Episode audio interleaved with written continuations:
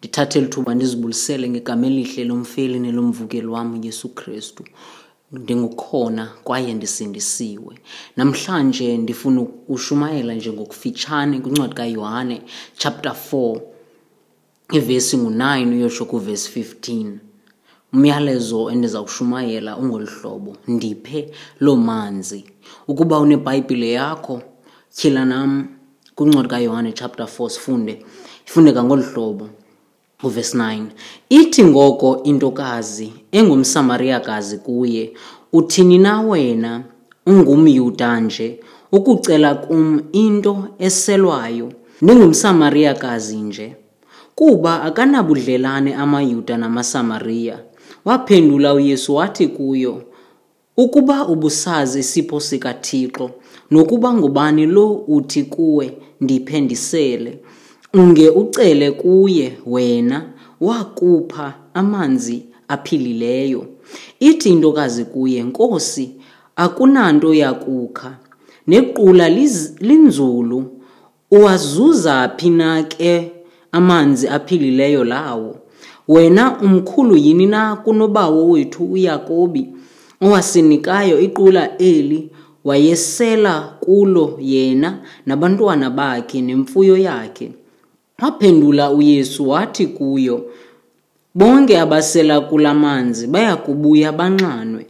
Ke yena othe wasela kuwo amanzi endiya kumpha wona mna akasayi kuza anxanwe naphakade aya kusuka amanzi endiya kumpha wona abe ngumthombo kuye wamanzi ampompozela ebomini obungunaphakade. Ithi intokazi kuye nkosi ndiphe loo manzi. Ukuze ndinganxanwa ndingezi nokuza kukha apha. Masithandazeni bawo simakade. Sele silifundile izwi lakho kumkani kwaye izwi lakho somandla sele liphuma kuwe alibuyili lilize somandla ndiyakuthandaza kumkani ukuthi usincede nangeli thuba usiqondise lona. Lungisa iintliziyo zethu zilungiselela ukuthetha kwakho kumkani. Ndikuthandaza ukuthi uncede simakade unixolele izonweni nazo. Kwaye undifundise kumkani ukuthi nciphe ngeli thuba ukuze kuthethe wena simakade kuthi kwande wena kule ndawo kumkani ndiyakuthandaza ke wena somandla ngegama elihle lomfeli nelomvukeli wethu yesu kristu nkosi yethu amen. Now singabantu siphuma kwiinkalo ngeenkalo. Sele siphuma kwiinkalo ngeenkalo nje sikhangela okanye sifuna nto ethile enokuthi isonwabise isonelise. And then xa sakungena kwezi vesi sifumanisa into yokuba kunencoko eyayiphakathi komsamariyakazi noyesu owathi wamazisa eyona nto ingamonelisa nguye yena yesu. And then sonke singakufumana ukwaneliseka kuyesu ngokwenza le migaqo siseko. Ngokokuqala sibona ingxaki.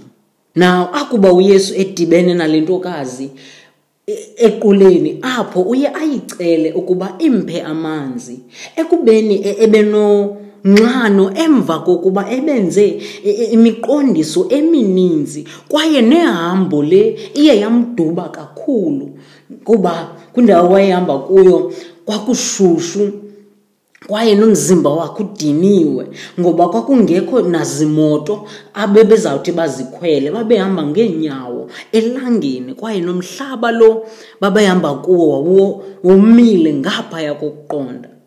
Yiyo loo nto eyamenza wanxanwa wanxana umzimba wakhe into yokuba ingase afumane into ezawuthi ithobe olo nxano. And then impendulo yayo le ntokazi okanye lo msamariyakazi isibonisa ingxaki yokuqala eyayikho. Amasamariya ayenikwe umthetho wokuba angaziyamisi okanye angathi abe nobudlelane nezinye iintlanga.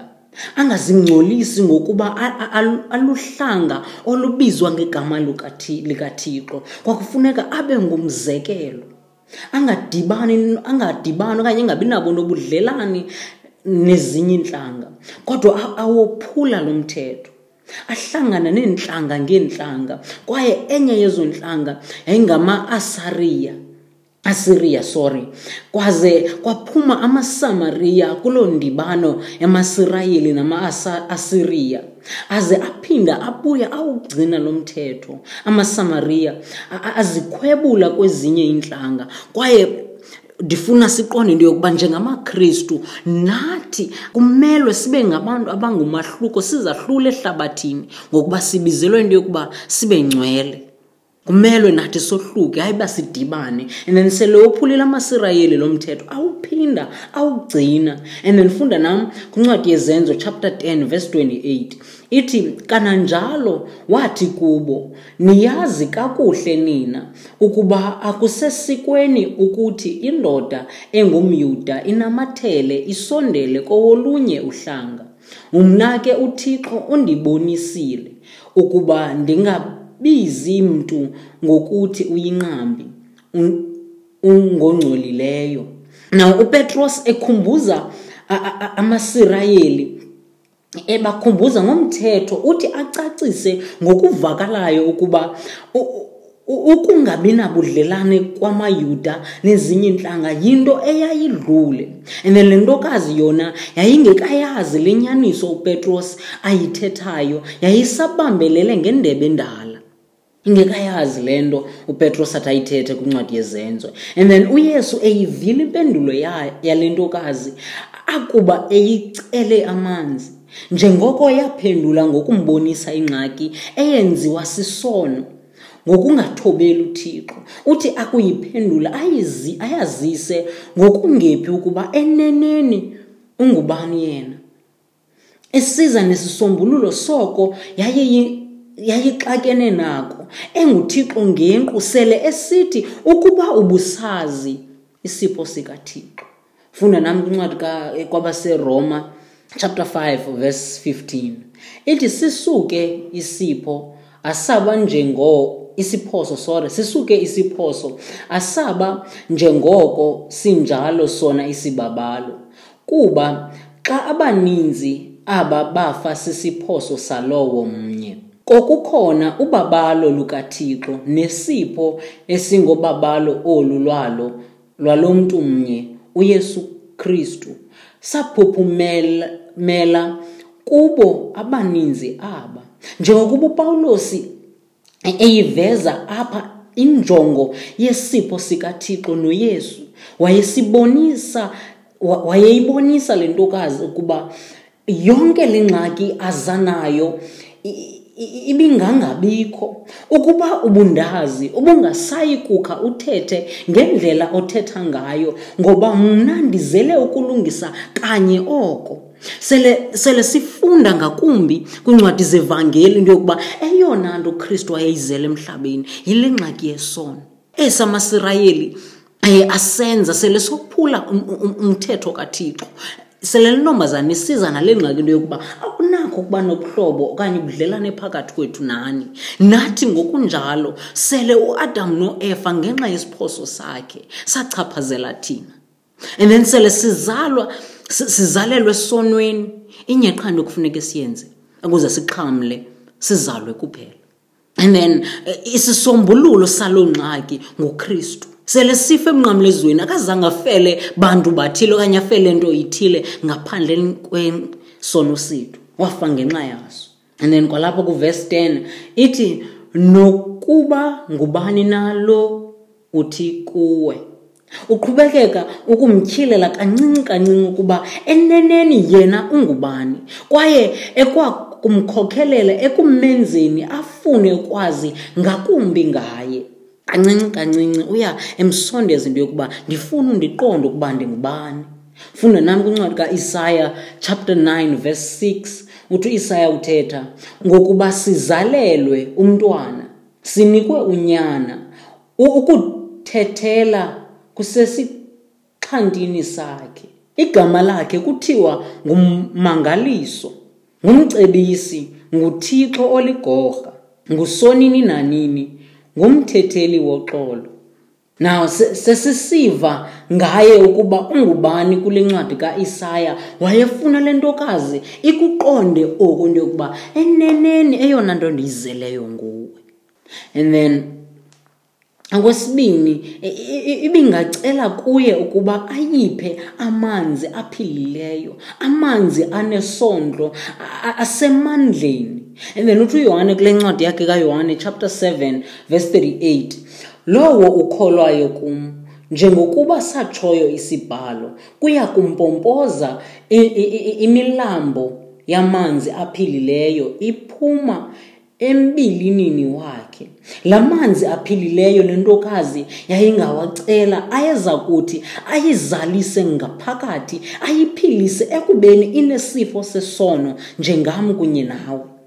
Yakuba ikholiwe kuyesu. Umoya oyingcwele wawuza kuyizalisa njengoko uzalisa wonke umntu okholwa kuyesu ukuba wafela ityala lesono sakhe. Ingabe unako lo moya oyingcwele namhlanje? And then kuvesi 11 yakuphendula ithi xa ithetha nkosi ngokumhlonipha kodwa kananjalo inokuphikisa okuthile. Sele isithi akunanto yakukha kumzekelo endikuthandayo ethanda ukuthethwa ngabantu. Athi umntu sometimes ulutsha okanye abantu abatsha banento yokuba xa eza kugezela okanye ezawuthetha into yokrwada kuwe uqala athi bhuti athi sisi athi mama athi tata andule aphendule isigezo. Abuye omnye abuze into yokuba busandihloniphelani ngokunjalo le ntokazi ithi selithi imhloniphi isithi inkosi ibuyizise enye ingxaki phambi kwakhe endaweni yokuba imnike okanye imkhelele ngale yayo ngoba yayizokwakha nayo yayizokukha amanzi. Iphinde ithi ithethe ngobunzulu bequla ngathi kuyo belingakhange libe nzulu. Njengokuba le ntokazi izithetha zonke ezi zinto eyona nto yayizisa okanye yayisiza nayo kukuba andinakho ukusondela kuwe. Andikwazi ukwenzela le nto uyifunayo kum. Kwaye kukangaphi ezimpilweni zethu sisithi siyakholwa kuyesu okanye simbize njengenkosi kodwa singakwenzi oko acela okanye afuna sikwenze kananjalo ibuya imbuze umbuzo wokuba wena wafumana phi la manzi? Ngokucacileyo yayingazi ukuba ngubani lo yayithetha naye eneneni. Nathi ngokunjalo sinento yokuba ewe ndiyazifuna ezi zinto lo yesu athetha ngazo kodwa ndifuni yena andinakho uzenza ezi zinto athi mandizenze. Kodwa ndimisa ngento yokuba glory to god praise hallelujah jesus. Njalo njalo ndiyazenza zonke izinto ukuze ndifumane something. Kodwa andinakho ukuthi ndidivote ixesha lam andinakho ukuthi ndizinikele ndisebenzele lo yesu kristu ndimphilele aze abonwe kum. Kodwa siyazifuna into zakhe. Funda nam kwincwadi kayeremiya chapter 2 verse 13 ithi ngokuba benze ububi obubini abantu bam bandishiyile mna thende lamanzi aphilileyo bazimbela amaqula aqhekekileyo angagcini manzi.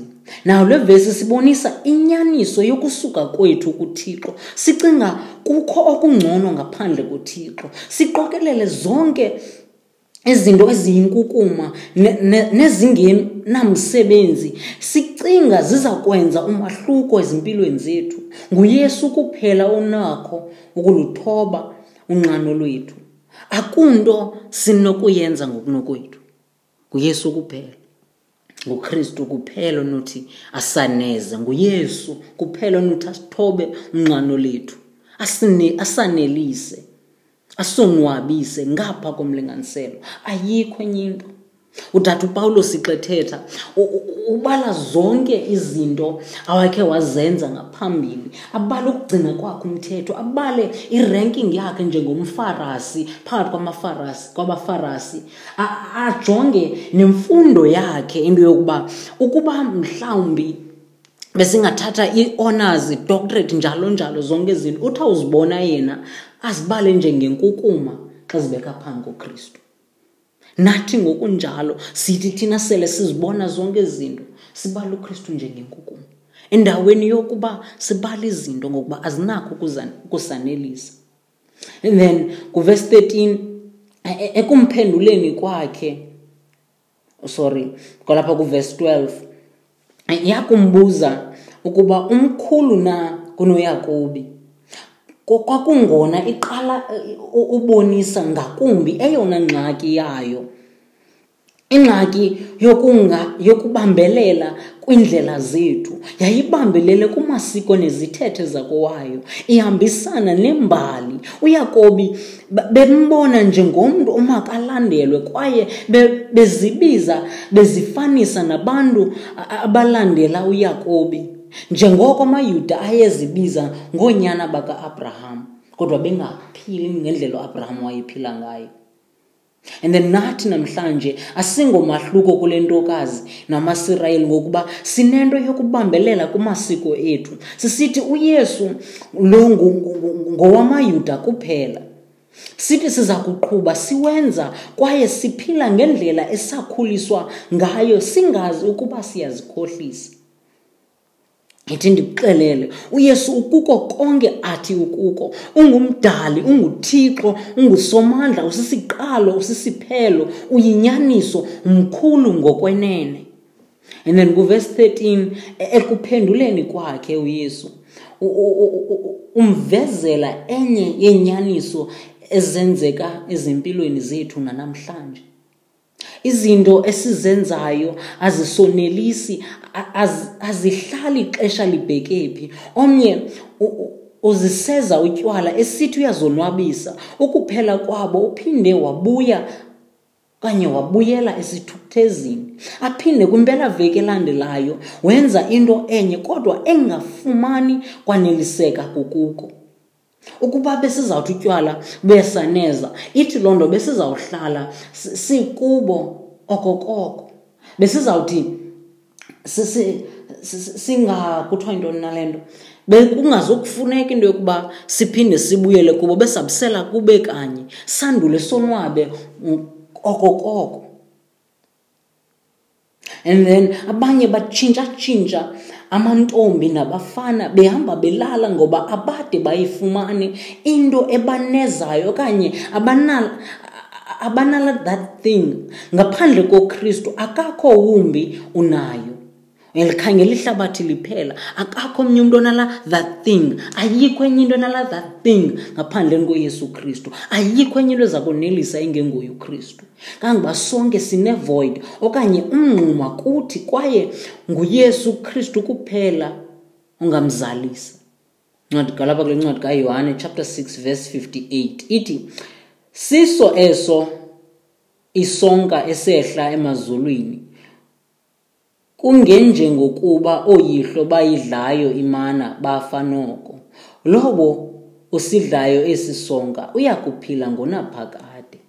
Ezifanisa nesonka amasirayeli asitya ngaphambili. Uyesu uthi abonise umahluko ukuba ukuba useso siya kumenza umntu ahlale ngunaphakade sele baye batya okanye basidla esi ayisonke intlango kodwa ukuba badle esi singuye ukristu ukuba bathe bakholwa ngukristu abasayi kufa kodwa bawuphila ngonaphakade sele uhamba ukhangela into enokwanelisa. Zonke ezinye izinto zifana nalamana ziza kukhokhelela entweni uba ufe ungoneli uhamba ufuna kwakhona kwakhona. Kodwa ukuba ufumene ukristu wonela ngonaphakade sele sibona okokuqala into yokuba kukho ingxaki.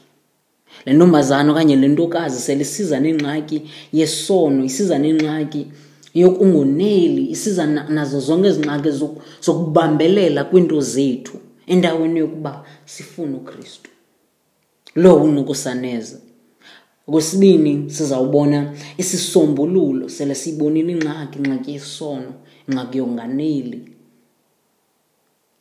Ngosibini sibona isisombululo kuvesi 14 oyena uthe wasela kula manzi lowo uthi akholwe kuyesu kristu.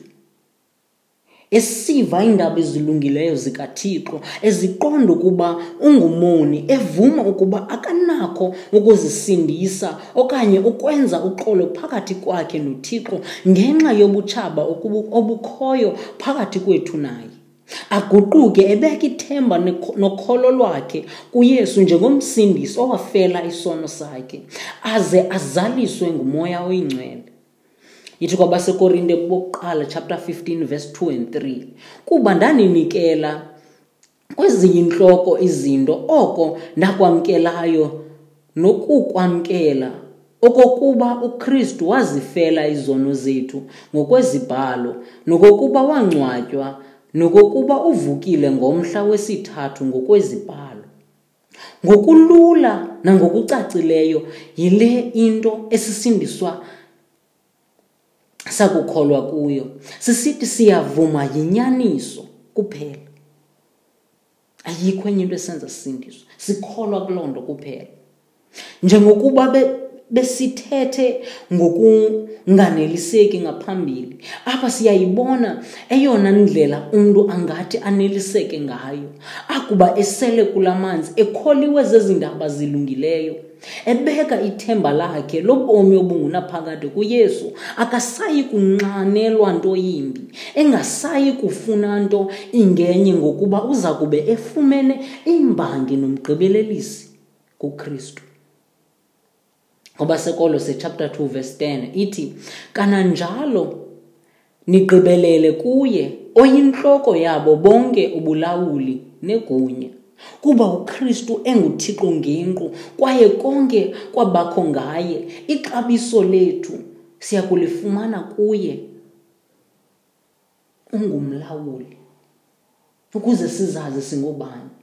Our identity is found in Christ. Akakho omnye umntu uza kusichazela kumbi ngaye ngathi ihlabathi lizasichazela singakolu hlobo kodwa inyaniso sayifumana kukristu ngempilo zethu nenjongo yazo. Okwesibini ifunde nam incwadi kayohane kulapha kule ncwadi kayohane chapter 6 verse 40 ithi kuko ke oku ukuthanda kowandithumayo ukuthi babe nobomi obungunaphakade bonke abambonayo unyana bakholwe kuye. Ndandiya kubavusa mna ngomhla wokugqibela. Sele simbona thina ngokokholo intando kathixo kukuthi sibe naye ngonaphakade sakuba sikholiwe. Ayikho enye indlela sakuba sithe sakholwa. And then ngokukholwa ngokuthembela kuyesu siye sizaliswe ngumoya oyingcwele kwaye sakuba si wumamela sithobele ukuthetha kukathixo. Uyesu usibonisa ukuba oku kuzaliswa ngumoya oyingcwele kukukhokhelela entweni uphuphumalele ebomini obungunaphakade. And then incwadi kamateyu chapter 7 verse 14 ngokuba limxinwa isango icuthene nendlela esa ebomini bambalwa ke abalifumanayo. Ingaba ukwaba bambalwa balifumanayo eli sango unawo umoya kathixo kuvesi 15 yakuba ithe yaqonda ukuba oyena mntu ukhathalayo ngayo. Oyena mntu ujonge ukulungele yona kwaye nokuza kuyonelisa. Ibhayibhile ithi ithi intokazi ngaloo ndlela yayithandaza kuye imcenga imbongoza ngelithi ayenzele oko wayethethe ngako kuyo.